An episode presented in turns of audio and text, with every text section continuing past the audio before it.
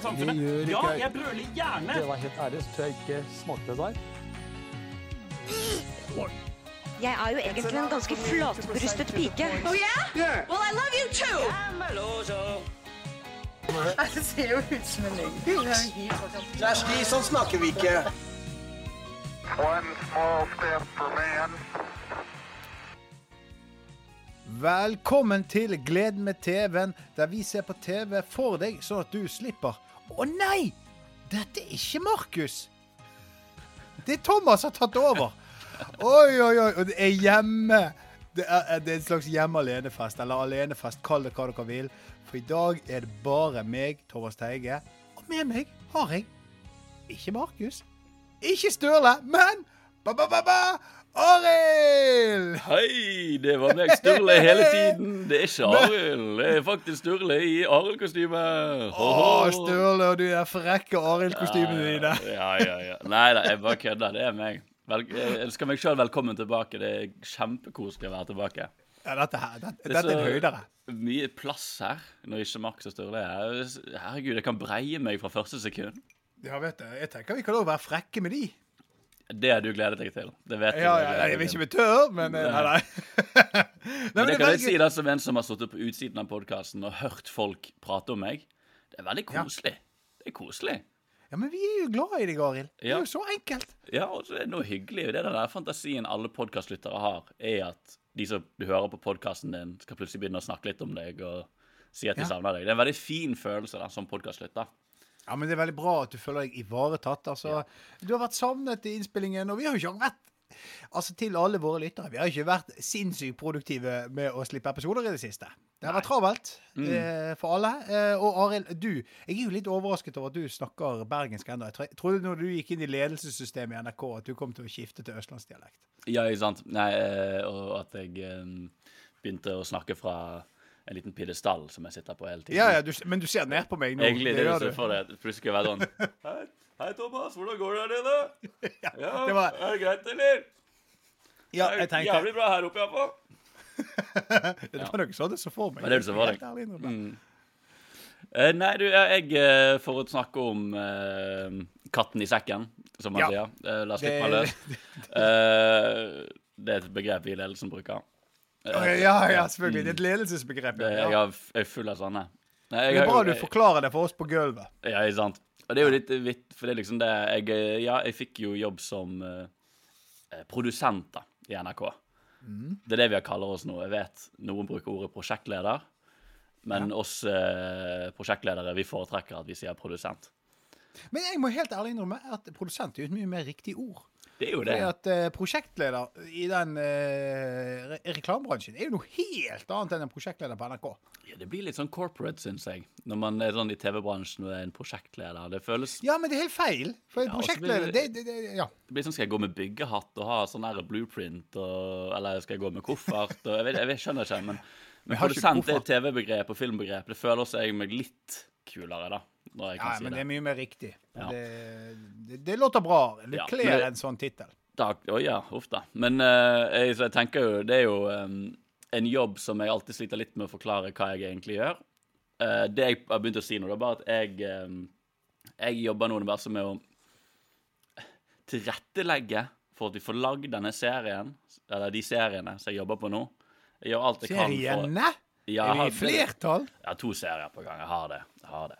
Oi, oi, oi. ja, jeg har det. Men eh, Så jeg prøver så godt jeg kan å bare tilrettelegge, da. Og gjøre alt jeg kan for at alle får det de trenger, vi får lagd det vi skal lage, at vi kommer i mål, og at det blir et prosjekt vi syns er kult og vi er fornøyd med. Det er litt sånn jeg tenker på det, da. Så det litt, da gjør du mye div, da. Du gjør alt du kan, og det er alt fra møter eh, og kreative ting. Så det er liksom potpurri, som vi også sier i prosjektledermøtene våre. det, altså, det her er jo dritgøy, da. Men Mm. altså eh, Hvordan har det gått? Eller hvordan, eller liksom Å være på den siden nå, hvordan er det? Det er veldig rart. Det føltes veldig som en uh, uh, Det føles som en sånn rar drøm. For du er sånn, sånn, nå er du på andre siden av det gjerdet, om du skjønner. Ja. For jeg har jo jobbet med produsenter og prosjektlærere der før. Og nå skjønner jeg på en måte litt hvorfor de oppfører seg sånn som de gjør. Du vet den greien, og dette blir veldig sånn internt sånn. Hvis man er, men hvis man har jobb med en, si en prosjektleder, da, en på jobb, en som har litt mer ansvar, men skal prøve å være litt en del av gjengen De har en sånn her uh, otherness til seg. Litt sånn der at du føler at hodet deres alltid er litt på et annet sted. Men de har veldig lyst til å være, være med deg, men egentlig så tenker de på noe annet. Den viben har jeg begynt å skjønne veldig, da. Ja, du mye du, du ser liksom litt sånn uh, alle fakter av det du jobber med hele tiden. Eh, så det, kan, det er en veldig rar eh, tilstand å være i, men det er jo gøy, da. Jeg jobber jo med veldig fine folk, da. Og vi har relativt flat struktur. Vi har på det sketsjeshowet og det andre, andre greiene jeg jobber med, ganske flat struktur, så jeg jeg, føler jeg meg ikke nysgjerrig på dette andre. Noe, hva, hva skjer der? Nei, altså det, jeg, jeg, Så jeg lager nå et sketsjeshow som vi har begynt å legge ut, som heter Smil i fred. Ja, som man det kan vi se. snakke litt om etterpå. Det kan vi snakke mer om. Det ligger på NRK. Og så jobber jeg også da med en eh, TikTok-komiker som eh, heter Abbas Al-Nawawi. Som Mm. eh, vi lager en liten minisketsjeserie med, som skal komme ut i august. Men da på TikTok eller på NRK? På NRK. Tror du. NRK skal legge ut innhold på TikTok? Har du hørt om de kineserne heller, Thomas? Ja, nei, jeg tenker eh, eh, Ja, men det er veldig spennende å prøve å få over Altså, TikTok-formatet er jo veldig Veldig Det- raskt og satt, og vel- der har man et etablert publikum. Å få det over på nrk.no, det er jo en prøvelse i seg sjøl. Det som er kult med Abbas, da, han er veldig open-minded, veldig fin fyr, og eh, åpenhjertig om at han ikke har lagd TV og har lyst til å forstå hvordan det funker. Så jobben min er jo det å klare å, å Jeg har veldig lyst til at alle de 100 000 av følgerne hans på TikTok ikke blir sur når de ser TV-versjonen av han. Det er liksom det viktigste for min del. At de, Ja, men når de ser det det han gjør på. TV, så føler de at der er han jo fremdeles. Han har bare fått litt mer penger å jobbe med. Ikke så mye penger å jobbe med, men litt penger å jobbe med. uh, og, og da er han fremdeles gode gamle ABBA som vi liker fra TikTok, men vi har gitt han litt mer, gir han litt mer struktur, litt mer sånn ressurser til å lage litt mer sånn spisset innhold. Men vi har jo lyst til å ta vare på selvfølgelig alt det som gjør uh, denne TikTok-humoren, som jeg helt ærlig sliter med å forstå. en gang iblant. Jeg er ikke på TikTok sjøl. Men uh, få, få den karismatiske viben da, som man har på TikTok. Se om det kan funke i litt, litt sånn TV-sketsj-fashion. Ja, men det er jo veldig spennende, da. Altså, eh, Nå vet jeg jo at BBC hadde jo en sånn historikk. Jeg vet ikke hvordan de gjør det nå, da, men de hadde jo noen år der de BBC eh, prøvde å få folk inn på sin eh, plattform. Unge folk hentet da youtubere Mhm. Som eh, kom inn til BBC, laget serier, feilet, og så gikk de tilbake til YouTube og fortsatte suksessen. Sant, så det her er- det er jo en, en, en formel som eh, er prøvd, men jeg, jeg er helt sikker på Altså, det har jo funket noen ganger. Er Og så vet jeg jo her at det Ja. som jeg tenker er veldig positivt med, for Abbas sin del, er jo at du har laget såpass mye sjøl og vært en sketsjekomiker på NRK. Mm. Det er en helt annen forståelse. Det er ikke bare sånn der Ja, men gjør den greia, du! Det Ja. er, du, du vet du har den nyanseforståelsen. Så sånn sett så tenker jeg at dette her er ut en veldig god match, Arild. Jeg jobber jo med sketsjekomikere nå, og det føles så godt i og med at jeg, det er det jeg har lagd i eh, min eh, karriere i NRK. Sånn. Det er sketsj og, og satire og sånn. Så um, det føles veldig naturlig, tror jeg, for de også, å, å henge med meg. Så eh, som har, jeg skjønner vel eh, Det jeg sa til er liksom i- til å begynne med at jeg tror ikke det er noe som kan skje i dette prosjektet som jeg ikke allerede har opplevd. Eh, fordi den tiden vår i Satiriks opplevde vi veldig mye forskjellig. Jeg visste ikke det kunne skje en sketsjekomiker kunne oppleve så mye i Norge som den tiden vi hadde. Eh, både det- og- med meg sjøl og de jeg har jobbet med. Det, jeg, har vært, jeg har vært vitne til veldig mye rart da, som sketsjekomiker. Så jeg blir, jeg er kanskje, og vi har jo dårlig tid i denne produksjonen, og det er alle de klassiske tingene. Vi må lage mye på kort tid, og vi må gjøre, føle mye instinkt. Og det er jo de tingene der. men så det er kanskje Jeg tror oppriktig det jeg kan si at det, beste jeg leverer, er at jeg ikke blir stresset da, av det, den situasjonen. Eh, og så gjør vi selvfølgelig så godt vi kan da, med det vi får jobbe med. Men så det er gøy. Det føles ikke så annerledes fra det jeg har jobbet med tidligere. Det er bare at nå må jeg sitte litt mer uh, med ansvaret og følge med på litt overordnede ting. Og for guds skyld håpe at vi ikke kommer på Dagsnytt 18, sånn at jeg må sitte i en humordebatt. For det er Da skyter jeg meg sjøl på luften. Altså, da har vi et potensielt årets TV-øyeblikk. Ja, for det er jo det jeg tenker. Det er, du vet jo meg, Thomas. Dagsnytt 18, det er alltid mulighet til å lage TV-øyeblikk. Det Dagsnytt 18 er jo the shit. Det er der Ja. det skjer. Det er der jeg har skjønt da, med Dagsnytt 18. Så jeg vil bare si, hvis noen i Dagsnytt 18 lurer på sånn, Hvis vi lager en sketsj og det er sånn Er dette innafor?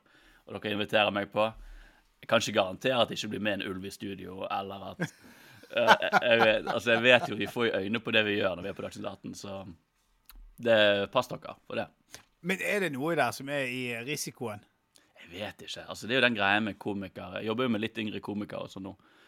Og alle er jo egentlig Jeg føler det er sånn rart, fordi alle er liksom redd alltid for det Ja. man lager. Og det er litt sånn selvopptatthet fra oss komikere da generelt, er at vi er litt sånn Når vi lager noe, så føles det veldig viktig for oss. Og så blir vi sånn Nå kommer det til å gå til helvete fordi at jeg sier det ordet, eller fordi at vi snakker om denne tematikken. Men det som er sant, er jo at det det er sjeldent at det, det skjer ting. Vi hadde vi, hadde, vi hadde en sketsj nå hvor vi var alltid innafor. Jeg, jeg mener jo alltid innafor. Men vi hadde en sketsj nå hvor vi f.eks. Um, gjorde narr av sånn VG-reportasjer på rød løper. Ja, hvordan jeg de, ja, hvordan de alltid prøver å lage clickbait-artikler og få ting til å bli veldig mye mer sexy og spennende og dramatisk enn det det er. Men de er på premieren til en veldig alvorlig krigsfilm. Mm. Eh, og da gjør vi jo blir jo det replikker som Hvem av dere er jøden i forholdet? Og eh, Ja. er du Noen påstår at de er mer sexy enn jøder. Men da Og da snakket jeg jo, klok av skade, med både etikkredaktører og alt. Bare liksom ga en heads up, og her er det vi jobber med. Og alle mener jo at det er innafor, fordi at satiren er tydelig, poenget er tydelig. Vi gjør narr av reporteren og alt sånn. Men problemet er jo med en gang jeg nevner for de som skriver dette, kanskje det blir dramatisk. Det, du vet jo aldri. Så, blir de vel, så kan man bli veldig sånn, selv, sånn uh, Gå inn i hodet sitt og være sånn Å, herregud, nå må vi passe oss og sånn. Og kanskje bli litt for forsiktig. Så det er en sånn tror alle alltid er litt redd for de tingene, men som oftest går det jo greit. Men det, men jo der um, Altså, eh, vi to har jo begge vært i uh, debatter, og, eller Mm. har, har laget sketsjer som endte opp i debatter og blitt omdiskutert. Og eh, begge blitt meldt til PFU. Mm. Uh, og uh, jeg syns jo det at hvis sketsjen er god nok, så kan det stå i driten. Ja. For Skjønner det er problemet, og det er det, det snakker jeg litt om, da. Med det der at du må stå inne for det du lager. For hvis det, Det blir et problem 100 ja, Du kommer til å hate det sjøl hvis du lager noe du er litt usikker på hva det var, eller hva poenget egentlig var, eller om humoren var det du ville si. Hvis noen kritiserer deg for det, så du føler deg så jævlig dum. Å, det er så Liksom. Du jævlig. føler, og det, og det er liksom Har du noen uh, opplagte Ja, meg og? Tonje laget en sketsj som var liksom en sånn idé som ble sånn fislet ut i kompromiss. Mm. Sånn at eh, der det begynte med en idé, og så prøvde vi å legge Det begynte med en idé som var fjollete, så prøvde vi å legge satire på ideen. Og da blir det Det er aldri bra å gå inn i en sånn kompromissgreie. Og jeg vil ikke nevne sketsjen engang, fordi at jeg eh, tenker at den skal bare få eh, forsvinne i stillhet. Ja. Jeg har aldri Det var sånn, Jeg kan ikke dele på eh, sosiale medier engang. Og det kom da den kritikken som jeg fryktet, Mm. og da følte jeg meg Jeg følte sånn uendelig skam. Ja. Og det er den eneste sketsjen jeg hadde lyst at eh, vi skulle trekke. Fordi at kritikken var riktig, men sketsjen var dårlig. Skjønner du? Det var det, det var det som var det verste. Fordi at det er sånn eh, Noe av det jeg er mest stolt av noensinne, er jo sånn 'Ikke spreng deg, heng deg', eksempel. Mm. Eh, og, og den eh, er eh, det, er, det, er ikke mye drapstrussel og alt mulig sånt. Han er superdrøy. Men uh, den er jeg sinnssykt stolt av. jeg- eh, Det er så tydelig poeng, og jeg står så enormt inne for det. Og herregud, det er jo helt umulig å ikke stå inne for å ta terrorister. Og så Ja. kan folk misforstå. Fuck de. Skjønner du? men, men, det, men, det som, men så hadde vi ja, klimastunt og sånt. Det var jo verre, for der var det lengre vei for å forstå hva vi ville til Ja. hva jeg gjorde. Sant? Men jeg, jeg, jeg, jeg står inne for hele prosessen og hele avgjørelsen. Men det ble jo veldig mye større enn vi hadde trodd. Det er jo det som er Det var jo det Jeg husker bare eh, for Skal ikke vi snakke om eh, vår eh, Vi skal ikke snakke om TV, men ja. jeg husker bare at Markus sa til meg at det kommer 500 på den protesten. Ja. Og Og bare for lytterne våre, lytterne som ikke har fått dette med ja. seg Du skulle Vi lagde satirisk på TV, vi skulle gjøre narr av Vi har lyst til å sette politikerne i en vanskelig situasjon, så vi Ja, det det. få deg til å Du som lignet veldig på han godeste Hva heter han? Dag Inge? Ulstein. Dag Inge Ulstein. Vi skulle sende Vi avtalte med en svær sånn klima eh, på men sånn Natur og Ungdom, så skulle ha den klimaprotesten. på en-. På en klimademonstrasjon. Eh, så avtalte vi med de at det er veldig gøy hvis vi sender opp eh, Thomas som ligner veldig på Ulstein. Så skal han love veldig mye, si akkurat det ungdommen har lyst til å høre. Sånn at politikerne da må gå tilbake på det Thomas sa. Uh, Ja. Fordi at det du sa, var veldig sånn rasjonelle, riktige ting. Det er det alle trenger å høre akkurat nå. Da send en komiker opp som sier det, og så må da politikerne beklage for det han sier, og si at det er det, er ikke det vi mener, og da setter de i en vanskelig situasjon. Ja. Det var ideen, Og og ideen er god. Ideen er veldig fin. Ideen er veldig god. Og så- Ja. og så- og så og så var det òg Så var det òg den der kritikken med at eh, det er veldig mange av ungdommene som ikke mener det. De vil bare ha fri fra skolen. De vil bare skulke. Så Ja. sku, og ved å gjøre dette så vil vi vise at nei, herregud, se, de mener jo det. Se Ja. reaksjonene her. Mm. De skulle sette dem i en vanskelig situasjon, og så eh, var jo det sånn som når vi lager TV på kort tid, så gikk jo dette helt fullstendig over stokk og stein i planleggingen, og skalaen ble jo helt enorm. Mm. det hadde jo ikke vi, hadde ikke vi forutsett. Altså Det er snakk om 500, 1500, 3000, og så kom det vel 15 000. Ja. Sånn? Så det ble, jo, det ble jo en veldig rar greie. Men herregud, nok om det. Altså, Ja. jeg, jeg, Det, er ikke, det, det jeg om- mener når jeg eh, har vært med på mye rart. Det, det har ikke vi gjort ennå i denne serien. Nei, men altså, Så- eh, nå, for å ta litt om Smil i fred, så har jo jeg, jeg har bare sett eh, litt sånn sykt og ba, ba, sykt og syke barn og sånn, så jeg har ikke fått sett alt. Og jeg regner med at du, Arild, har forståelse. Markus og Sturle hadde ikke hatt forståelse. Jeg vet jo, jeg, veldig, jeg kjenner meg så takknemlig for at ikke de er her nå for å analysere det jeg jobber med. For jeg var jo med i Fyr og flamme-diskusjonen Ja, ja. eh, din, og da kjente jeg at ja, nå gruer jeg meg litt når jeg skal begynne med mine premierer. Så det var Ja, litt sånn um, Jeg vet ikke, jeg liker litt denne hjemmefesten vår, jeg, Thomas med bare Ja, synes Det det er veldig betryggende og fint stemning. Og så kan de der eh, Som mamma og pappa, da, som vi kaller de. Ja, ja, ja. De- Og vi vet jo de- hvem som er hvem. Ja, vi gjør det. Ja. Og de, eh, de er ute og krangler, de. De er ute og krangler, vet du. De sitter, eh, skulle egentlig gå på kino, men så ble det en eh, krangel i bilen, og så Ja, ja. Ellers er de på Ikea og handler, så blir ikke de enige om hvilke møbel møbler de skal ha. Ja, for Thomas, bare for et lite sånn eh, sosialt eksperiment nå.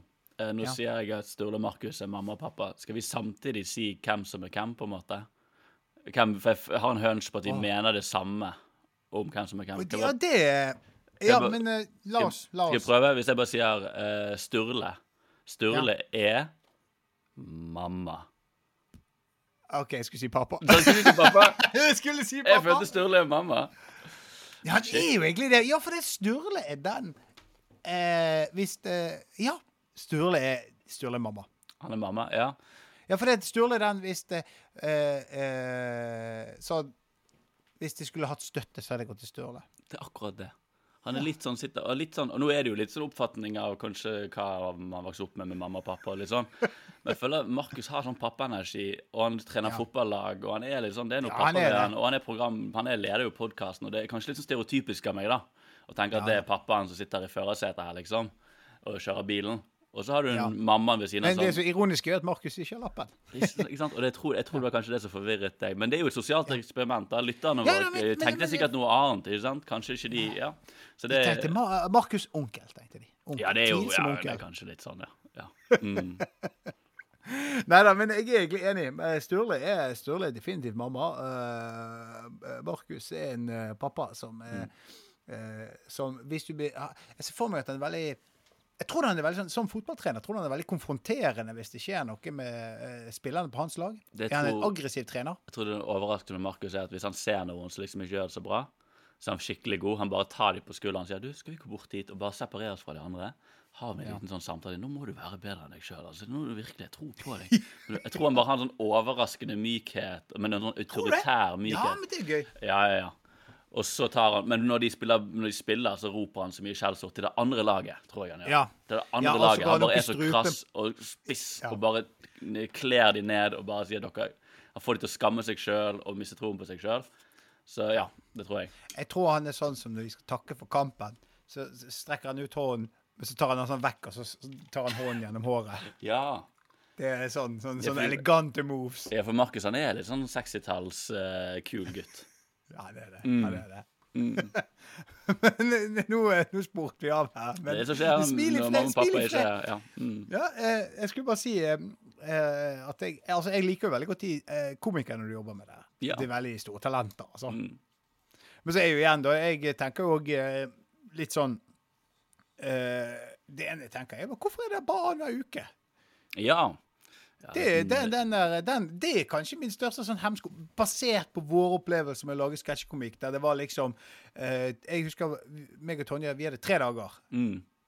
Sant? Og TV-programmet var jo en uke, og da var jo vi jævlig mange involvert. vel merke. Så- Men eh, jeg vet ikke hvor mange det er. Hvorfor bare annenhver uke? Ja, det er jo også sånn produksjonsting, da. Eh, hvor vi rett og slett eh, Sett på hva man rekker å lage. Og det er jo skal jo sies med de komikerne jeg jobber med nå, Jon Sindre Klonteig, Amalie Styve og Mathea Josefsen, veldig flinke og fine. ja. de, deres bakgrunn som sketsjekomedie er jo litt motsatt fra det vi kom fra. Eh, hvor de Det har- er det definitivt. de har ikke helt hatt den der eh, intensive Nå produserer vi mye på kort tid, og vi får det ut. De, mm. Når de har lagd sketsjekomedier og ting, så har de hatt eh, bedre tid da, tidligere eh, til å skrive først, før de går i produksjon, og hatt litt mer sånn anførselstegn profesjonelle eh, produksjoner, eh, hvor de rett og slett har hatt mer tid da, eh, til å skrive ting. Og det er jo noe så dette prosjektet er meningen for NRK sin del, er jo å, pushe litt og si vi trenger, skal, vi, skal vi heller lage mer og fokusere på at det, når vi lager mye, så vil det alltid komme noe fett ut av det også. Eh, og la oss Ja eh, også trene litt opp komikerne våre her til å få litt mer produksjon. Og derfor så, så vi litt tidlig at vi må være litt greie her, for det kan bli ganske intenst å, å levere med så mye vi lager på kort tid. Ja. Og da kom vi på den annenhver uke-greien, rett og slett bare fordi det produksjonsmessig gjør det at vi går opp. Eh, det så det er litt det sånn det. Det er litt rart, fordi man blir litt sånn Hvis man først begynner å se det, vil man jo få det jevnt og trutt, men vi er litt mer Det er nesten litt med fokuset mer på at vi bare må få lagd det vi lager, og finne det mellompunktet at vi har press på oss, men det blir ikke sånn umenneskelig for dem. da. Sånn at det bare de føler at 'herregud, jeg vet ikke hva jeg lager, jeg bare skyter det ut for å lage det'. Det blir sånn eh, Det er litt sånn eh, Ja. Selv om vi, vi har gjort det, så kan jo når vi, vi lager ganske mye på kort tid likevel. Så det er rett og slett bare sånn produksjonsmessig sånn Vi måtte løse det på den måten. Ja, nei, men, det, men OK, det gir, mening. Det Men der er er litt sånn at Derfor stresser ikke jeg så mye med å promotere dette og sånn, fordi vi, det, skal, det skal ligge ganske lenge i spilleren. Vi skal jo gå gjennom sommeren. Så jeg venter nesten litt til vi har fått litt flere episoder ut. Så kan jeg begynne å bli litt flinkere til å pushe på at dette er noe folk faktisk må få med seg. For når man Ja. ser litt sketsjer, så har man gjerne lyst til å se mer enn bare de ti minuttene. Eh, Ja, for det er ingenting aktuelt der. Det er jo det ikke. Og det tenker jeg da er det bedre å vente til du har en bank, og så begynne å pushe pushe. Sånn, er sånn at folk opplever det som en, et program eller en serie. Ja, og En det liten veldig ting, eller en liten ting som jeg må si, er jo Ja. Den første sketsjen i episode episode Mm. 20, 20 spørsmåls avhør, eller hva det heter. Ja. Du vet, vi lagde den i Teige lydstudio. Gjorde vi? Ja. Nei! jo, det gjorde vi. Faen meg nøyaktig samme punch Nei, kødder du? Ja, ja, nei, Oh nei, my helt sant. Men det skal jeg si, jeg hadde faktisk ingenting med den Altså, det var ikke min idé, det må jeg si. Nei, men, den, Men det var eh, derfor jeg likte ideen så godt. Ja, ja, Det, det kan, det er så vittig. Ja, Der hadde vi, var det bare politiet prøvde nye metoder. Og så var det sånn der eh, da, Ja, vi skal bare ha ti jeg, jeg tror vi kalte det Ti kjappe, for det var en sånn mellomsketsj. Mm, Så jeg bare sånn, når jeg så den, så tenkte jeg Arild!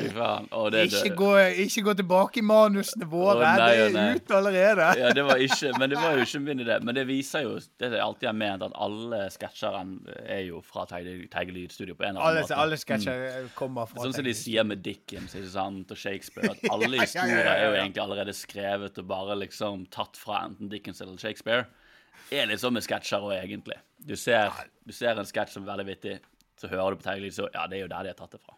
Ja, ja, Ja. selvfølgelig. Det er. Nei, men, det- men, men det må jeg bare For jeg, jeg, jeg husket ikke om du var med å skrive den sketsjen. Men uh, for jeg bare tenkte faen, ikke, ikke, ikke, ikke gjør det. Uff a meg. Ja, det må ha vært det, Der må du ha kjent litt sånn kniven i ryggen. Nei, det gjorde jeg faktisk ikke. Jeg var mer sånn, jeg tenkte bare jeg, jeg enten én eller to. Uh, det er jo en veldig sånn basic idé. Så jeg føler eh, Det kan være gjort av andre før vi gjorde det i Teige lydstudio. Mm. Og så tenkte jeg òg at har de hatt jævlig dårlig tid? Og så har jeg bare Jeg har en idé, og så er den der har jeg bare tenkt dette, eller har vi faktisk gjort det? For dette var jo Vi produserte jo eh, altså Med Teige så var jo det oppimot eh, 40 sketsjer i episoden. Sant? Mm. Eh, så, så jeg tenkte det, det her Jeg, jeg bærer absolutt ingen dag. Men det skal jeg sjekke med Jon Sindre, for det var Jon Sindre som skrev den. Og jeg eh, bare punchet litt opp på han og sånn. Men kan jo sjekke om han er skikkelig Teige Lydstudio-fan. Jeg har faktisk Ja, ikke jeg prøvde å få han med. Gjorde det, ja? Det er sant. Ja, jeg, fordi at jeg eh, I bemanningsperioden så var det liksom sånne flere alternativer på hvordan konstellasjonen skulle være. Og så syns jeg han var så usannsynlig idésterk at jeg tenkte han er en type som jeg vil ha inn på manus. Og, og så i, i tillegg, da. Sånn, jeg, jeg er jo elendig på stemmer. Så tenkte jeg, ok, Men han har et repertoar, så jeg tenker at det kan være en ressurs inn her. Men da tror jeg de skulle i gang med Feeden sesong to. Ja. Så jeg tror det var det de brukte som unnskyldning. Eh, kan jo være at han tenkte jeg har overhodet ikke lyst til å jobbe med han bergenseren. Eh, men jeg, eh, jeg prøvde i hvert fall. Jeg sendte mail til han. Så tittet han litt i manusbunken din før han gikk, og så tok han med seg noen ideer. ja, men da hadde ikke vi begynt på manusene. Men det må det, jeg, si, jeg kan jo si om Jon Sindre over igjen til TV-verden. da. De, Ja. han, de er jo nominert med, til Gullruten for beste humor. Med den eh, Karpe-dokumentaren de lagde. ja. Som er en veldig kul eh, mockumentary, da, som handler om Ja. Karpe. Eh, hvor han også da spiller Magdi og Chirag, og eh, veldig kul ting. Og gikk jo rett fra egentlig å lande den produksjonen inn i dette sketsjeprosjektet, så det har jo Ja. hatt utrolig mye å gjøre. Men det er også litt sånn det er da kult da, når de man jobber med, får cred og sånn underveis, Ja, og selvtillitsboost. Eh, så det er ganske stilig. Nei, Men det det, er kjempegøy. men det jeg tenkte, Thomas Nå, har jo, nå ser jeg på klokken også. Ja. Veldig hyggelig å, å mimre om Teiglyd Studio og, Ja, ja, og alle, alle sketsjene du gjorde i Satiriks. Det er jo det som skjer når du er programleder. Vi må jo få det til å handle litt mer om eh, litt mer Thomas. nå, nå, nå gjør du meg flau. Nå gjør du meg flau. det er veldig bra. Men uh, jeg tenkte, skulle ikke vi bare gjort en sånn her eh, Fordi, som folk har skjønt, hvis de alle fremdeles lytter Litt sånn strukturløs strukturløs eh, ja. i dag. Sånn blir det når det er alene, alene hjemmefest. Ja, og da tenker er jeg, Skal vi bare gjøre det man gjør på hjemme alene-fest, og bare catche opp med alt vi har sett på TV? La oss, la oss. Jeg har sett mye, mye snodig. Ja, la oss gjøre det. Eh, Nå, nå ser jeg for meg, hvis Markus ender opp å klippe dette, at jeg har lyst til å høre en liten sånn jingle. Ja. Ja. Men det, det, det er ikke sikkert. Okay. Så vi bare fortsetter. Hør, hør, hør jinglen i hodet, folkens. Nå skal vi rissette. Imre sin jingle, den spiller rolig Ja. oppi Hva er det vi kaller det for noe igjen, da? Uken snakkes? Ja. Dette blir jo Månens Månens snakkiser. Månen Skal vi kalle det snakkes. da. Mm. Sånn, nå har vi Markus legger på en kul jingle her. Sånn, helt ny som han har laget for uh, denne nye spalten. Det er bra. Litt mer jobb til pappa. Ja. og da blir han sint, og så får vi uh, sure meldinger. Ja. Uansett, Mm. jeg eh, eh, Jeg har sett Goth Merengues Dark Place. Nei da Nei da, jeg har, jeg har sett eh, en serie som eh, Jeg er jo litt seint inn i denne festen her, da, men har du eh, den Shits Creek som vant, eh, gjorde sånn storeslem på var det Emmy Mhm. for noen år siden? Herregud, for en fin serie det. Ja, det jeg så litt på det, jeg så litt på det underveis. er. Jeg fikk, jeg fikk aldri helt med meg slutten, men jeg fikk med meg liksom de første to sesongene. Ja, det er jo seks sesonger, og det, mm, jeg er nå snart ferdig. Og det er bare en sånn der eh, I eh, urolige tider-serie så får du sånn god følelse av han. Ja. Og så er han morsom, og eh, han er hjertevarm, morsom, smart. Eh, velprodusert, velspilt. Mm. Det, og det er sånn Ja, det er perfekt for den uh, dommedagstiden vi lever i nå. Ja, Det gir sånn det er lite, sant. og det er det jeg liker aller best med han. Jeg får sånn god og eh, fin følelse av han. Ah, det, det anbefales nå, altså. Det er, du, litt sånn, jeg vet ikke hvordan det er for deg, men Ted Lasso Jeg har ikke sett siste sesongen. Mhm. Den sparer jeg. Men det er òg en sånn serie som jeg ser, og så får jeg sånn utrolig god følelse og troen på menneskeheten. Ja. Cheats Creek, akkurat det samme. Det er litt sånn Paracet, eh, for sjelen, liksom. Ja, Paracet mot dommedag. Det, det funker bare, liksom. Du glemmer Men hva er det med, hva, For de som ikke har fått det med seg, hva er denne serien, liksom? Shits Creek, uh, eh, veldig sånn enkelt premiss for hele eh, ideen. Eh, eller hele serien, mener jeg. Det er en veldig velstående familie som mister alt, for de har en eh, utro eh, sånn skattetjener, eller hva det er. Sant? Så de mister absolutt alt. Så viser det seg at i sånn masse sånn oppkjøp de har gjort, så har de kjøpt en by. Shits Creek. Der har de kjøpt hele greien. De så, så eh, rike at de kan Ja, kjøpe ja, ja, men dette stedet er et lite drittsted. Okay. Det merker du når de kommer der. Det er liksom hele premisset. De kommer fra den sinnssyke glamouren. Og så må de bosette seg på det lokale motellet der, da. Mm. Og så er det bare deres vei, egentlig, liksom. Så begynner det De tar Jeg syns piloten på en måte er veldig bra, men piloten rettferdiggjør ikke serien. Det er veldig sånn ofte sånn Hvis du ser Arrested Development-piloten, så er den sånn Den setter humoren umiddelbart, og det er en dritbra pilot. Mm. Og så uh, skjønner, og så, så fortsetter de samme spor. Shits Creek den bruker episoden på å forklare hva de var. Men han er rettferdig Altså, piloten er mye dårligere enn serien. Ok, Så det er en liten advarsel hvis folk har lyst til å sjekke Hvis folk har lyst til å se det, så syns jeg at det brukte, jeg brukte sånn Jeg tror det var sånn episode tre-fire skjønte OK, nå nå, nå er de i gang med historiefortellingen. Men han er veldig nødvendig, piloten. Når du ser, hvis du tenker tilbake, når du ser han i retrospektivt, da, Mm. så er han veldig viktig for å etablere den stemningen de etter hvert får. Men det er veldig snodig at en pilot eh, Han er så eh, Han er på en måte veldig bra, men på en måte helt feil. Ja. Det, jeg klarer ikke å definere det. Men det, jeg, Eh, jeg, jeg er litt sånn klok av skade på det med piloter og sånn, når du ser Ja. det, da. At du alltid liksom Du har jo bare lyst til at det skal bare funke med en gang, men så vet du også Ja. hvor vanskelig det er å lage en god pilot. Det er liksom skikkelig drittoppgave, Ja. Å skrive de første, liksom. Nå skal vi selge hele serien, vi skal selge premisset, vi skal legge humoren. det er sykt vanskelig. Og spesielt i humor og sånn, så er det noe med at humor må du bli litt vant til. Du må liksom bli kjent med humoren til noen før du blir glad i dem. Og spesielt hvis noen prøver å gjøre så- noe litt ja. nytt og litt spennende. Så litt sånn Hvis du har han kompisen som liksom kommer med noen helt syke vitser, så kan det godt hende du kommer på samme bølgelengde med han etter hvert, men de første gangene han forteller det, så blir det litt sånn hva er greien din egentlig? Er du gal? Er dette med vilje? Hvorfor, hvorfor ja. Ja. Hva skjer, liksom? Og det er litt sånn med pilot, humorpiloter og sånn. da. Ja, det er veldig, veldig, veldig sånn. Og det, og det er ekstremt vanskelig å skrive, for du har så kort tid å etablere det på. Mm.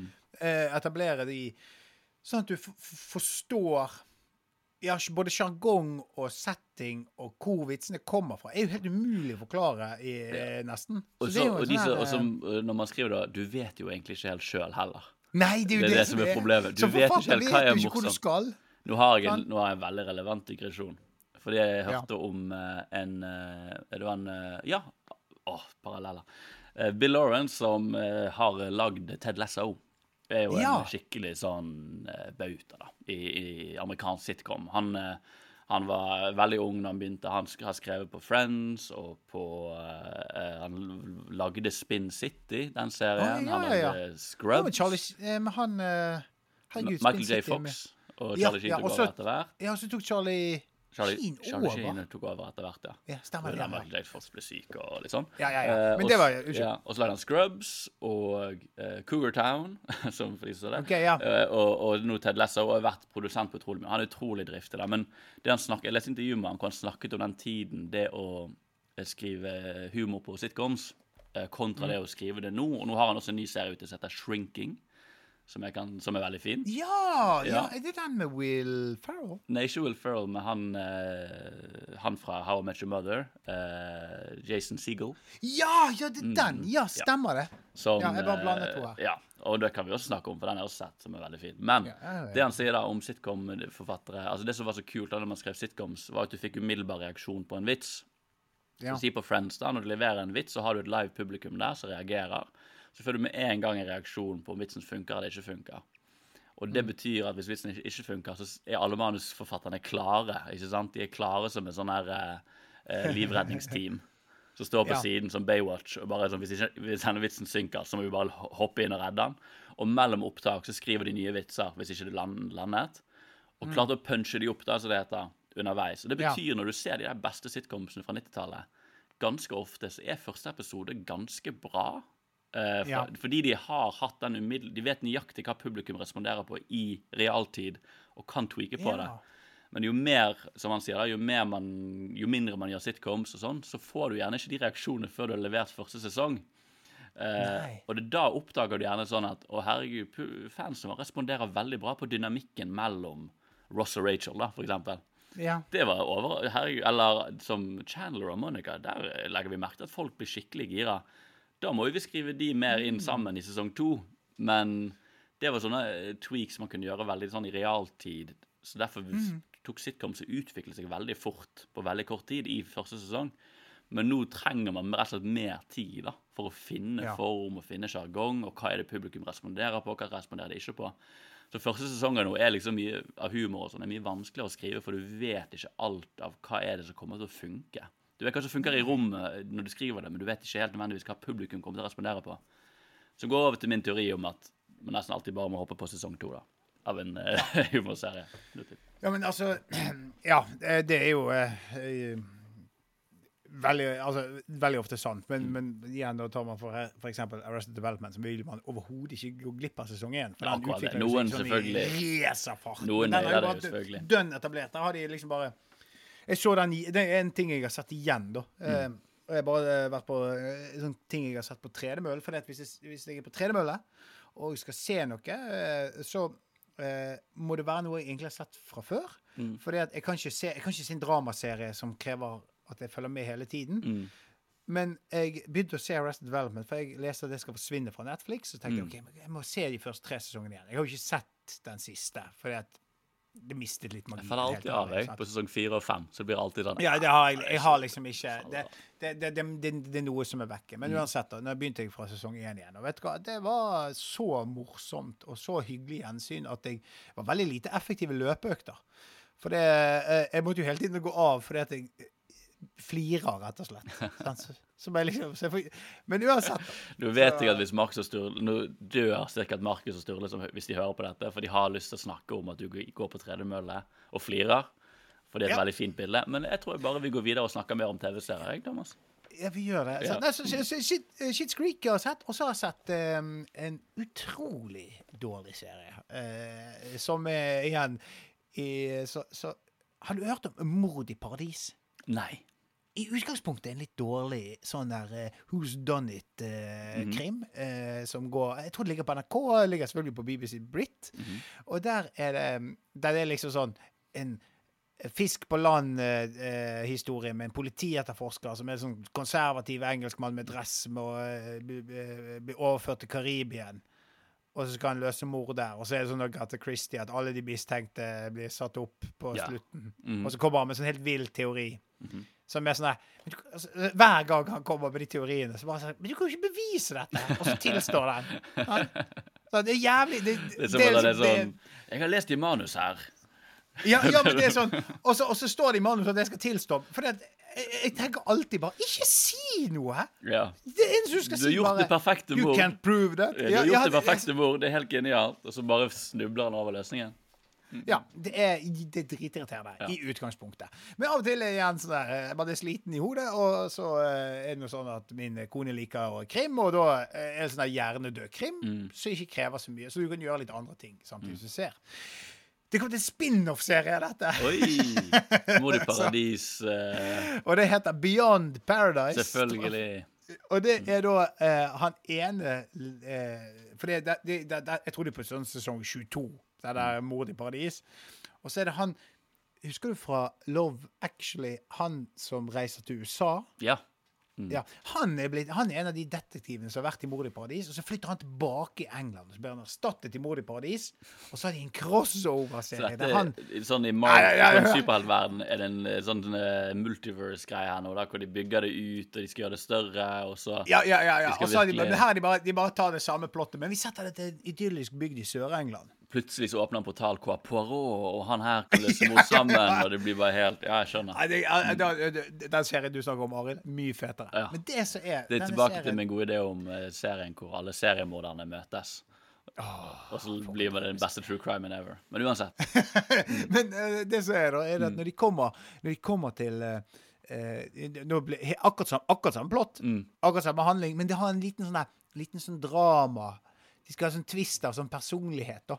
Eh, eller er sånn personlig intrige. Og det er jo det at han flytter ut til England fordi at han eh, har en kone som han savner, eller de liksom de skal prøve igjen, og så kommer hun til eh, Karibia, Karibien, og så reiser de sammen tilbake til England, og så er det deres historie nå.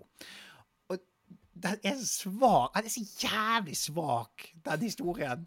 Eh, fordi at eh, begge to, både meg og deg, Arild, har jo vært i eh, lange forhold. Og vi vet jo det at eh, forhold har opp- og nedturer. Ja. Men det som skjer her, er det at eh, de bestemmer seg for å starte en familie. Og så begynner serien med at hun bare ah, nei, det, hun mistet barn sånn veldig tidlig. Sant? Det var ikke gravid likevel. typ sånn, sånn kjip spontanabort. Og så eh, Så er hun usikker på om hun da vil ha barn. Og så, men så sier han ja, jeg har egentlig lyst på barn. Og så er det en sånn veldig emosjonell scene der hun bare Men jeg kan ikke gi deg barn. Farvel.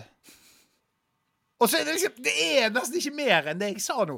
De har vært sammen i mange år. De har prøvd å få barn, og så er hun usikker. Så sier nei, jeg kan jo ikke gi ham barn. For det, jeg har jo åpenbart ikke genetikken til å videre eh, Til å formere meg. Og så bare Nei, men da er det slutt, da. Ja, hun bare sånn Jeg leste i manuset her at jeg skal forlate deg. Ja. Det står i manuset at jeg skal forlate deg. Og det, og det er bare så Og det er så irriterende. For det er så De har vært sammen så lenge, og så bare sånn der er det, Og samtalen varer det, det er seriøst ett minutt TV. Men blir det en det sånn egen bare, spin-off jeg er noe- jeg- Er det en egen spin-off der med hun, som vi venter på borti på en Det annen hadde kanal? vært kjempegøy. Det de er jo det jeg begynner å mistenke med en gang noen fra serien. Og jeg skal flytte til Alaska, og der håper jeg ikke at det skjer noen mord. Fy faen, det, jeg har lyst til å lage Og så er det hun liksom The wife of uh, The wife of a criminal detective moves to Alaska. And now she has to call her husband and help him get help to solve the murders. Det er rett før. Det er Altså, det, Paradi det så- Paradise, og så er det Ice istedenfor. Ice Paradise. Ice Paradise. Jeg hadde ikke sett på det. Nei, Eh, nei. Men det er altså Det, var så, det, er så, det er så latskap, da. Og det som er det sykeste med denne serien her, Mm. eh, er at jeg tror han har dritbra rating på IMDb. Det var derfor jeg var litt villig til å sjekke den ut. Skal vi se. Ja. Men det er jo en sånn Eh, greie, da. Hvis du ser på sånn eh, Skal jeg si dette, da? Du ser på sånn serier sånn Noen ganger føler du at det sånn dette, dette er en sånn serie som treffer på en eller annen sånn 7,4. Ja, 7,4. Det er ganske bra. Og det er jo litt sånn, egentlig er det ganske bra. Det betyr jo at denne serien treffer jo på um, en eller annen sånn der La oss kalle det autistfrekvens, da. Eh, hvor liksom det er sånn at det er for hy... Det er fag, Ja, faguttrykket. det er sant. Vi er prosjektledere som ser ned på alle andre. Uh, vi, nei, men at det liksom er den, der, den frekvensen Og det, med det mener jeg liksom at den hyperspesifikke Det har sikkert noen hyperspesifikke detaljer som for noen, Ja. da, om du er autist eller ikke, treffer veldig bra. Og jeg har også sånn av og til går autistfrekvensen min veldig opp hvis eksempel det er uh, pappa-crime. Så bare treffer den pappa-autisten i meg. Å, det er så tilfredsstillende å se en far som er flink i noe. Altså, det var Noen serier bare treffer veldig godt på en eller annen frekvens, som gjør at du får veldig mye den, hengivne fans. Som ja. har én spesifikk ting de liker veldig godt da med denne serien. Og kanskje det bare er det at det er så fint å være på Hawaii, liksom. Jeg elsker måten de fremstiller Hawaii på. Det er bare det, er det jeg trenger i livet mitt. Det er den Paracet for sjelen-greien. Men ja, det, det var jo det, og det var jo det som traff meg så sykt med Ted Lasso, for den ble jo sluppet under covid. Mm. Og det å kunne se mennesker som klemte, masse folk på en tribune, det var Ja. liksom Det var så utrolig tiltalende for meg. da. Ja. Og så i tillegg så er han svart skrevet og bla, bla, bla. bla. Ja. Men parasett for sjelen det, er akkurat det. Du får denne, de treffer riktig De bare sier nailer vi denne frekvensen her, og for, all, for noen vil det bare være det eneste de tenker på, da. Eh, Ja, og, og jeg merker at de, har, de, de, de, trykker på noen knapper i denne Beyond Paradise. Mm, gjør det. Og det er den knappen med idyllisk engelsk landsby.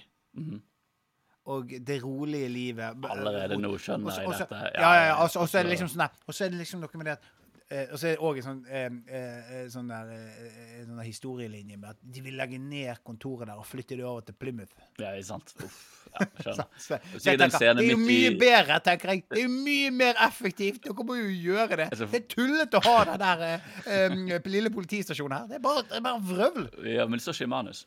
Eh, det står ikke i manus, og det men, eh, men, og det ser for meg også hvis de skal treffe frekvensen, at de har en scene i den idylliske landsbyen hvor toget går forbi, og så bare ser de litt på toget, og så sier noen togmodellen ja, det er en SFE 367. Ja, ja, ja. Eh, og den er veldig fin. Og så bare ser du på den går forbi, så får man litt den gode følelsen av at noen har veldig sånn tognerdisk kunnskap. Og så går vi videre, så kan vi bare det, det, Det- skal jo også bare være behagelig av og til. Det må ikke være så jævla episk Og stort og være milliarder av kroner på skjermen. Av og til skal du bare treffe på en god frekvens. Og dette, det, det, det, det er utelukkende det de går for. Og så er det liksom Og de er, de er mordene, og alle mordene og mysteriet er jo helt åndssvake. Altså, det, det, det er egentlig rett og slett søppel fra ende til annen. Ja. Men så er det komfortabelt, og eh, folk liker det. Men det er men er irriterende når det liksom alle sånne her eh, politiserier skal jo ha liksom en sånn eh, personlig linje for at du skal føle for karakterene. Men da må jo i hvert fall prøve Det er latskap å bare ha et brudd som varer ett minutt. Hvis, Og det, er ikke- da det bygges så utrolig anta dårlig opp. Men det, da må du egentlig bare anta at det, det forholdet bare ikke har funket på skjermen. Er bare, sånn, bare kutt strupen på det. Vi, vi, vi har ikke lyst til å se Egentlig litt tilfredsstillende Vi har ikke noe behov for å vite at dere er i forhold. Det er litt sånn, er sånn de gjør når de skriver ut barn av TV-serier. og sånn, De er bare sånn Hvorfor skrev vi inn denne ungen? Og Han er ikke god skuespiller, og det, ingen bryr seg egentlig. Og, men vi kan ikke liksom Han er en unge, og det, vi, han kan ikke bare kvitte seg med det. Men så klarer man av og til å bare skrive en unge ut av en serie. Jeg vet Veldig tilfredsstillende måte. Og det bare sånn takk, Nå snakker ikke mer om at han har et barn. Eh, det barnet finnes, men han er ikke her akkurat nå. Vi, skal ikke snakke om det, fordi det funker Jeg har én en replikk der han er sendt på kostskole og stortrives. Så er vi ferdig med den drittungen. Med jevne mellomrom må de få et par postkort. Og, For det er én ting som er jævlig irriterende. Det Mm. er dårlige barneskuespillere. Gud bedre. Det er helt horribelt å se på, og helt horribelt å jobbe med. Det er det. Jeg husker jeg ble så sur hvis vi skulle ha med oss unger på sett. Ja. Eh, Og det, og noen, noen er hyggelig, men det er veldig mange foreldre der ute som vil at barna skal bli stjerner. det er foreldrene gjerne som eh, ja. Så, og, så, og, så, og, så, og så sier de at hun har masa, for hun er kjempeflink. Og så kommer du på settet og spør Men hun, hun vil jo ikke være her! I ref den sketsjen som er den verste sketsjen jeg noen gang har laget, som jeg nevnte i sted, der hadde vi med en unge som overhodet ikke kunne spille. Så gøy. Å. Det jeg tenker nå, da, er at uh, alle dere, dere som vippser inn penger og sånt til oss, uh, vips inn ti kroner, og så kommer et sånt forslag til hva sketsj Thomas har lagd som dere tror er så dårlig. Jeg sier ikke likevel. Det, men det, det kan være noe folk gjør eh, hvis de syns det er artig. Eh, men eh, kanskje de skal vippse direkte til meg. Ja, det er kanskje det. Jeg vil, jeg vil bare at du skal få en sånn liste på telefonen med sketsjer folk mener er dårlig. Jeg har laget dårlige sketsjer. Herregud. Masse, Masse, masse Og ikke gjør det med smilefred. Det er ikke lov. Nei, nei, nei, Det er for nei. too soon. Too soon. Det, det, men jeg syns folk skal vippse ti eh, kroner hvis de ser, ser har hørt Tegge Lydstudio og ser at de har rippet off flere sketsjer. Veldig god idé å gå tilbake til Egil Lydstudio og bare ta ideer derfra, egentlig. Ikke gjør det. Nei, nei. Ikke gjør det. Men jeg, eh, jeg hørte ja, Nei, vi skal ikke snakke om det. Vi kan snakke om det en annen gang. nå har jo jeg eh, ikke så mye tid igjen, men det er veldig hyggelig å høre på alt du har gjort på, sett på Ja, men jeg må høre Jeg, jeg, jeg, jeg kommer ikke halvveis engang på Men Arild, du har alltid noe interessant jeg føler nesten vi burde gjort mer av denne podkasten hvor vi prater sammen om TV. For vi har så mye å snakke om. Sturle og Markus er jo så opptatt for tiden. De lager jo um, liveshow. Vi er vel i gang med et uh, pilotprosjekt, ikke det? Ja, kanskje det. si Kanskje det. Ja, Hvem Vi får, vet? eh? Vi, vi må, vi, neste gang de er med, så må vi nøste litt i hva de som gjør at de er så opptatt. eh, Ja, ikke sant? Og virkelig uh, være sint på dem for at ikke de er nok på podkasten. Rasende. Mm. Rasende skal vi være. Men det kan jeg snike inn. da. Det er jo litt sånn, det er ikke tips nødvendigvis, for det er litt vanskelig å få tak i denne serien. Da må man jo bruke litt VPN og litt sånn. Men Oi, apropos oi, det med oi, oi, mordmysterium og sånn, så er det en serie jeg har jukset meg til å få sett, da. uh, som heter Pokerface. Som er en serie som. Jeg har ingenting med Lady Gaga å gjøre. Det er veldig skuffende for veldig mange. Veldig. Ja. Men eh, det er en serie som man kan da se på Peacock, som er et av de beste Ja, det har jeg hørt om. Fordi det er så dårlig navn. Men det er NBC sin eh, streamingtjeneste. Det som er greia med Pokerface, og grunnen til at jeg nevner den, er fordi nå snakket du om sånn der um, mordserie, hvor man liksom Ja. en gang i uken uh, får et nytt mord. Uh, og det er en serie da som Det er en sjanger da som regissøren Ryan Johnson, som har lagd Ja. Looper og regissert Star Wars, og ikke minst uh, de der Benoit Blank-filmene, Glass Onion Ja. og Knives Out. Han er veldig glad i den sjangeren. Så han Ah. har rett og slett lagd en egen mordserie som heter Pokerface. Hvor det er sånn klassisk eh, mord en gang i uken-serie. Eh, som er utrolig bra skrevet. Eh, så hvis man har lyst til å jukse seg til å se den, er det et tips fra meg. Greien der da, er at det handler om eh, Bare sette hun der skuespilleren i hodet til folk, sånn at man ser det for seg. Hun heter Natasha Leon. Hvis man så eh, Orange is the New Black, så er det hun med Ja. det store røde håret i den. OK, ja, ja, ja. Hun ja, spilte også i Russian Doll på Netflix, hvis man har sett den. Hun har veldig stort rødt hår. eh, og har litt sånn der eh, amerikansk eh, Jeg tror det er New Jersey, New York, Bronx-vibe, da. Veldig sånn chill, avslappet greie. Hele premisset da, er at hun er har en utrolig evne til å alltid vite om noen lyver. Ah. Og det er det som jeg syns Ryan Johnson er veldig flink til. er Når han tar for seg en sjanger, og så går han rett inn i det og sier hva er det som liksom Hvordan kan jeg tviste dette til sånn at det blir litt vanskeligere for meg å skrive, eller litt mer fascinerende for publikum? Uh, for det som er greia med sånn detektiv og sånn, er at hvis de bare hvis, du tenker sånn, hvis du bare kan vite hvem som lyver, så vil du alltid finne ut av mordet, på en måte. Ja. Men da tar han vekk den faktoren og sier men hun er- skjønner det alltid. Hvis noen lyver, så forstår hun det bare. Hun har bare en intuitiv følelse. og bare klarer alltid, Hun har sånn skikkelig bra bullshit detector, da, basically. Ja. Og kan alltid forstå når folk lyver. Og det han også gjør, da, i sånn klassisk eh, stil, er at han viser alltid mordet i første del av episoden. Så vi vet jo hvem som har gjort det også. så blir storyline i hver episode kommer hun til å finne ut av det. Eller hvordan kommer hun til å finne ut av det. er jo litt mer av det. Så den, Så gøy. den, plukker, den leker veldig med sjangeren. Og ikke minst så har han også et narrativ da, som får hun der eh, Pokerface da, eh, til eh, Og Hun heter ikke det, jeg glemmer hva hun heter. Lady poker, for Pokerfacen til å være på farten. da. Hun må flykte fordi det er noen som prøver å, å drepe henne. Uh, og det gjør at hun alltid er et nytt sted i hver episode. Og egentlig det det er, at du bare får en liten minihistorie om et mord, om et drap, om noen som dør. Og de er veldig varierte, veldig forskjellige. Og så er det alltid interessant å se hvordan hun er koblet til alle disse drapene. da. Uh, så det blir også litt sånn småhumoristisk greie med at hun alltid er i nærheten av et drap. Som bare er litt sånn De snakker ikke om det, men det er bare sånn vittig ting. At hun er bare sånn skjebnebestemt å være i nærheten av dødsfall. Men den, den leker veldig med den sjangeren. altså Hvis man liksom hadde i seg og er nysgjerrig på det, og liker han ikke minst Nå har ikke han skrevet alt og sånn, men det, han er produsert det, og jeg har jo veldig Ja, han har for eh, produsenter. finger, med i spillet og uh, har en ekspertise på området. Det er jo ofte et veldig bra tegn. Så Ja. 7,9 på IMDb. Det er jo absolutt Og- eh, sterkt. Og det er litt den der, der føler liksom det, er den der, det er liksom for folk som liker det, da. For å like dette mordmysteriet. Jeg syns det er tilfredsstillende med sånn plotting og god dialog, og hvordan løser vi dette her? Altså den der, Noen ganger da, autistfrekvensen, da. Det er også liksom Å, hvordan skal dette puslespillet her gå opp? Hvordan skal den løse det? Hva kommer til å skje? Og det er alltid en liten, foran, liten twist, en liten greie, som gjør at de helt forskjellige historiene blir forløst, da. Men denne her, eh, det, det jeg, eh, den, den, tenker jeg å sjekke ut. Og Mm. så tenker jeg at vi etter eh, opptak her, så skal vi, finne, kan vi snakke om hvordan man kan gjøre det ulovlig. Vi trenger ikke tipse litt. Det skal jeg aldri ulovlig. innrømme offentlig. Og jeg sier, Nei, kan si nei, i hvert ulovlig. ikke som leder i NRK. Ikke ulovlig. Er du å løse et mord? Hva skjer?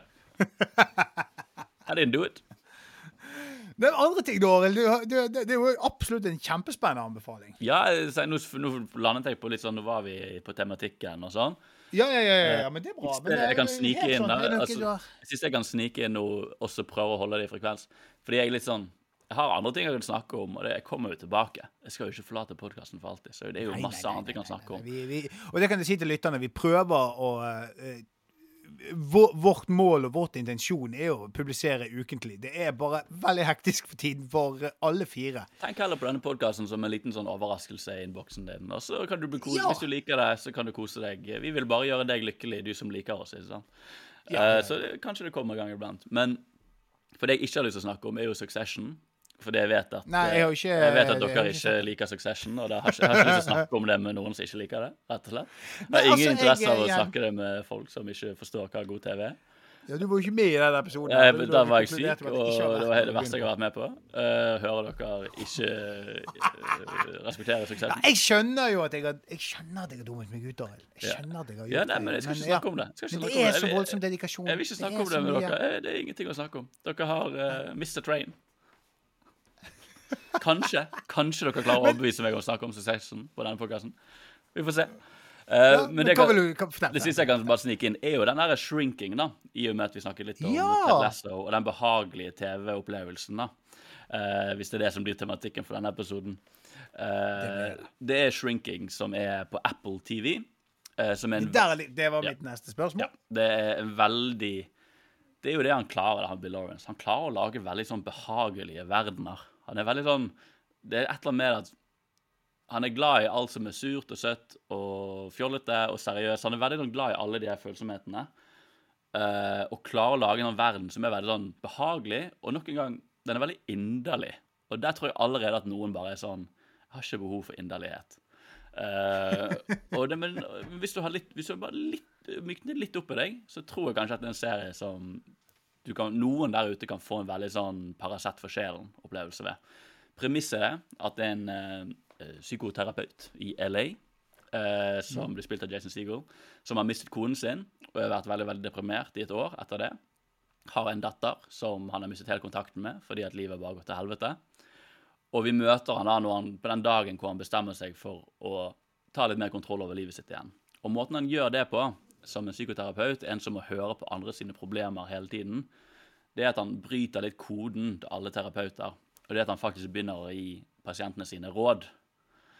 Og sier oh, ja. så Hvis eksempel en pasient har snakket i et år om det dårlige forholdet hun er i, så sier han plutselig ja, men faen, slå opp med han. Han er en drittsekk. Liksom. Du må slå opp med han. Bare kom deg vekk. ta kontroll, gjør greien din. Forskjellige råd, og begynner å blande seg veldig da, i pasientene sine sitt liv. Og det, eh, det er liksom grunnlaget. Det er noe sånn tråder der man følger gjennom, men egentlig det den serien handler jo om, da, er jo han er figuren som skal bygge opp livet sitt litt igjen. Få litt mer emosjonell eh, tilknytning til folkene i livet han har, i, i folkene rundt seg. Eh, og han jobber på da en privat klinikk som da er ledet av en Gretne, terapeuten som blir spilt av Indiana Jones, Harrison Ford. Ai, ai, ai, God gretten fyr. Med veldig fin humoristisk gretten timing. Men kanskje han mykna seg litt opp underveis, han òg. Hvem får se? Vi får se. Jeg vet ikke, jeg. OK, men dette høres ut som en uh, behagelig greie. Jeg må, jo, eh, jeg må jo inn på Apple Pluss igjen likevel nå. Da tenkte Kanskje jeg å ta Jo da, men jeg, det var liksom uh, Jeg tenkte etter uh, sesong eh, to med Sesong to, ja. ja forrige sesong med Ted Lasso, så bare innså jeg at OK, nå tar jeg Jeg, kan ikke, jeg har hatt altfor mange strømtjenester. Da røk Apple Pluss. Det var for få ting der. Men nå skal jeg inn Ja. igjen. Nå skal jeg inn igjen. Og så for det er jo den eh, Da har du eh, Ted Lasso, eh, og så har du Shrinking. Ted Lasso. Ja, også den serien som jeg ikke husker, som er så sykt estetisk. Severance. Ja! var den, har jeg liksom, den er på listen min. Den er på listen min. Jeg skal bare si om shrinking da, før jeg må gå videre. Det, som er, du bare må, du må liksom, det er litt sånn toleransegreier. Altså, Det er jo ikke garantert. Men det at hvis du investerer litt i figurene noen ganger gang, da Piloten Ja. kan ikke helt der eh, Treffer ikke helt på det serien kommer til å handle om, og følelser og sånn, så du må investere litt i å faktisk ville se hvordan ting går. Men det som Bill Lawrence er veldig sånn opptatt av, virker det som, da, er jo liksom vennskap. Så Ja. det er en sånn liten sånn Kan være irritasjon, da. Men det at han lager serier hvor det er veldig lett for folk å få nye venner. Og det, og det er litt sånn mistenkelig sånn at å ja, så blir du den litt sånn gretne naboen. Dere blir plutselig bestevenner, dere, da. Sånn at vi har mer av den gretne naboen inni OK, skjønner. skjønner, ok. Så egentlig handler, Og det er jo det det handler om, det, her, det å få forhold med folk. Men han tilfeldigvis, da, sånn som det står i manus, så klarer han da å sette sammen en veldig sånn De nærmeste kollegaene og naboene hans til han fyren her blir tilfeldigvis også de han lager en ny venneflokk med, da, så man får en slags sitcom-aktig gjeng som man kan følge. Ja. Men han tar alle Men det er en humorserie, sånn 100% eller er det humordrama? Hvor vil du plassere det? Si det? humordrama. Eh, noen Ja. ting er jo er veldig gøy, fordi figurene popper og alt sånn, men han, han er alltid veldig sånn, tar de veldig seriøst og liksom vil liksom ha litt sånn alvorstunder og ta for seg far-datter-forhold og alt mulig rart. Så det er liksom, som jeg sier, surt og søtt, da, og, og til syvende og sist veldig inderlig, egentlig. Ja. Som ikke er for alle. kan. Men, kan jeg spørre deg nå, altså med tanke på den CV-en han har med Ted Lasso, Mm. Scrubs mm. og Friends og det, Jeg tror jeg har nevnt det før, men den der eh, basic forskjell på engelsk og amerikansk sitcoms Mm. er jo at eh, der eh, amerikanske Sitcom-tradisjonen, for å bruke det ordet, da, Mm. er jo at man lager serier om hvordan man skulle ønske livet er. mm, Mens eh, eh, eh, Eller eh, ønske, hvordan man skulle ønske livet var, mens de britiske forteller historier om hvordan ting faktisk er i dag. det er veldig fint. Og det er liksom Og det får jeg For det, det er det som er med Ted Lasso. Du skulle ønske Alle er så venner, det er så vennlig. Scrubs Mm. Ja. er jo det, det er sinnssykt. For Scrubs er jo Når du nevner vennskap, det er jo denne sinnssykt sånn fine båndet mellom karakterene der, Mm. som gjør den serien. Det er Og så har han utrolig mange absurde detaljer og gøy, men det er jo det er der det emosjonelle ligger. Det er der, Du vil jo være en, ha Ja. sånne venner. Og det er ikke tilfeldig, som du sier, at Ted Lasso blir en sånn her koronahit. For det er liksom det akkurat dette her vi trenger nå. Vi, må, vi, vi vil ikke vite hva det, hvordan ting faktisk er. Vi har lyst til å drømme om sånn det kunne vært. Og idealversjonen av menneskeheten. Idealversjonen av hvordan livet faktisk er. Så jeg tror Ja, nok han absolutt Det er ikke helt feil at han nå treffer med ting som folk trenger, da. Kanskje spesielt i USA og, og hele verden. sånn De fantasiene, da, om å, hvis det var så lett å få seg nye venner og, få, og bare møte noen nye mennesker. At liksom, naboen min kanskje bare var Hun var litt kjip, men egentlig er hun jævlig grei.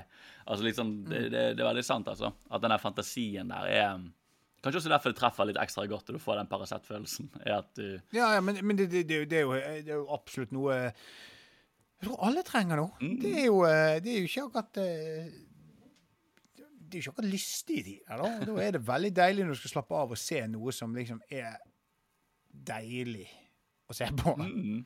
Så det er vel eh, Hvis, vi nå, hvis du skulle runde av eh, Vi skal runde av nå, så er vel det den konklusjonen vi kan ta. ja, Veldig deilig deilig morgen. Jeg følte vi klarte å Det ble ikke så kaotisk som eh, jeg hadde trodd. Her var det tematiske linjer, og fikk vite masse om hva du jobber med, og hva du liker å se på. Ja, ja, ja. Men um, dette er jo uh, veldig hyggelig, og vi gjør jo dette gjerne igjen. Hvis det er noe sånn at det blir for lang tid mellom vi kan samles, så uh, blir det kanskje noen sånne hjemme alene-fester med meg og Arild igjen. Det hadde vært Ja. kjempekjekt. Og kanskje en gang så blir det med Thomas og Sturle. Ja, det, det, det blir Hva blir den konstellasjonen? Mamma og fetter? Skal mamma og fetter ha hjemmefest? Det er veldig rart.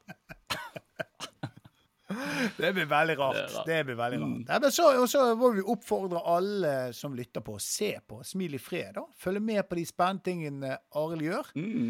Du må Også, virkelig eh, jobbe hardt for å finne det i nettspilleren, men ta det med ro. Jeg er på saken. Det er betryggende å vite. Ja. Jeg kan jo sjøl bare slenge ut selvpromo. Jeg har jo eh, lansert en eh, ny podkast sammen med Adam Kjølberg som heter Hallo, hallo. Sjekk den gjerne ut. Det er ja, lettbeint fjas. Enkelt og greit. Kortere episoder enn her, så hvis du bare skal ha en kjapp busstur, så kan du høre på det. Så kan du høre på dette når du kommer hjem. Det var veldig fint avrundet, Thomas.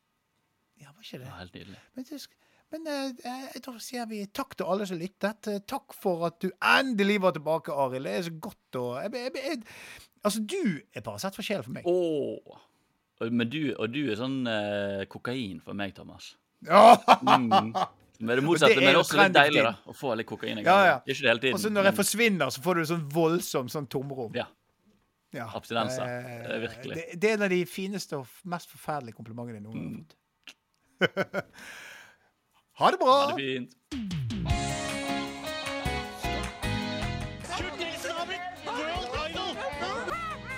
Det gjør Ja, ikke jeg brøler gjerne. Det var helt ærlig, så tror jeg ikke smakte deg. Jeg er jo egentlig en ganske flatbrystet pike. Oh yeah? Well, I love you too. Det ser jo ut som en løgn. Er helt sånn snakker vi ikke. One small step for man,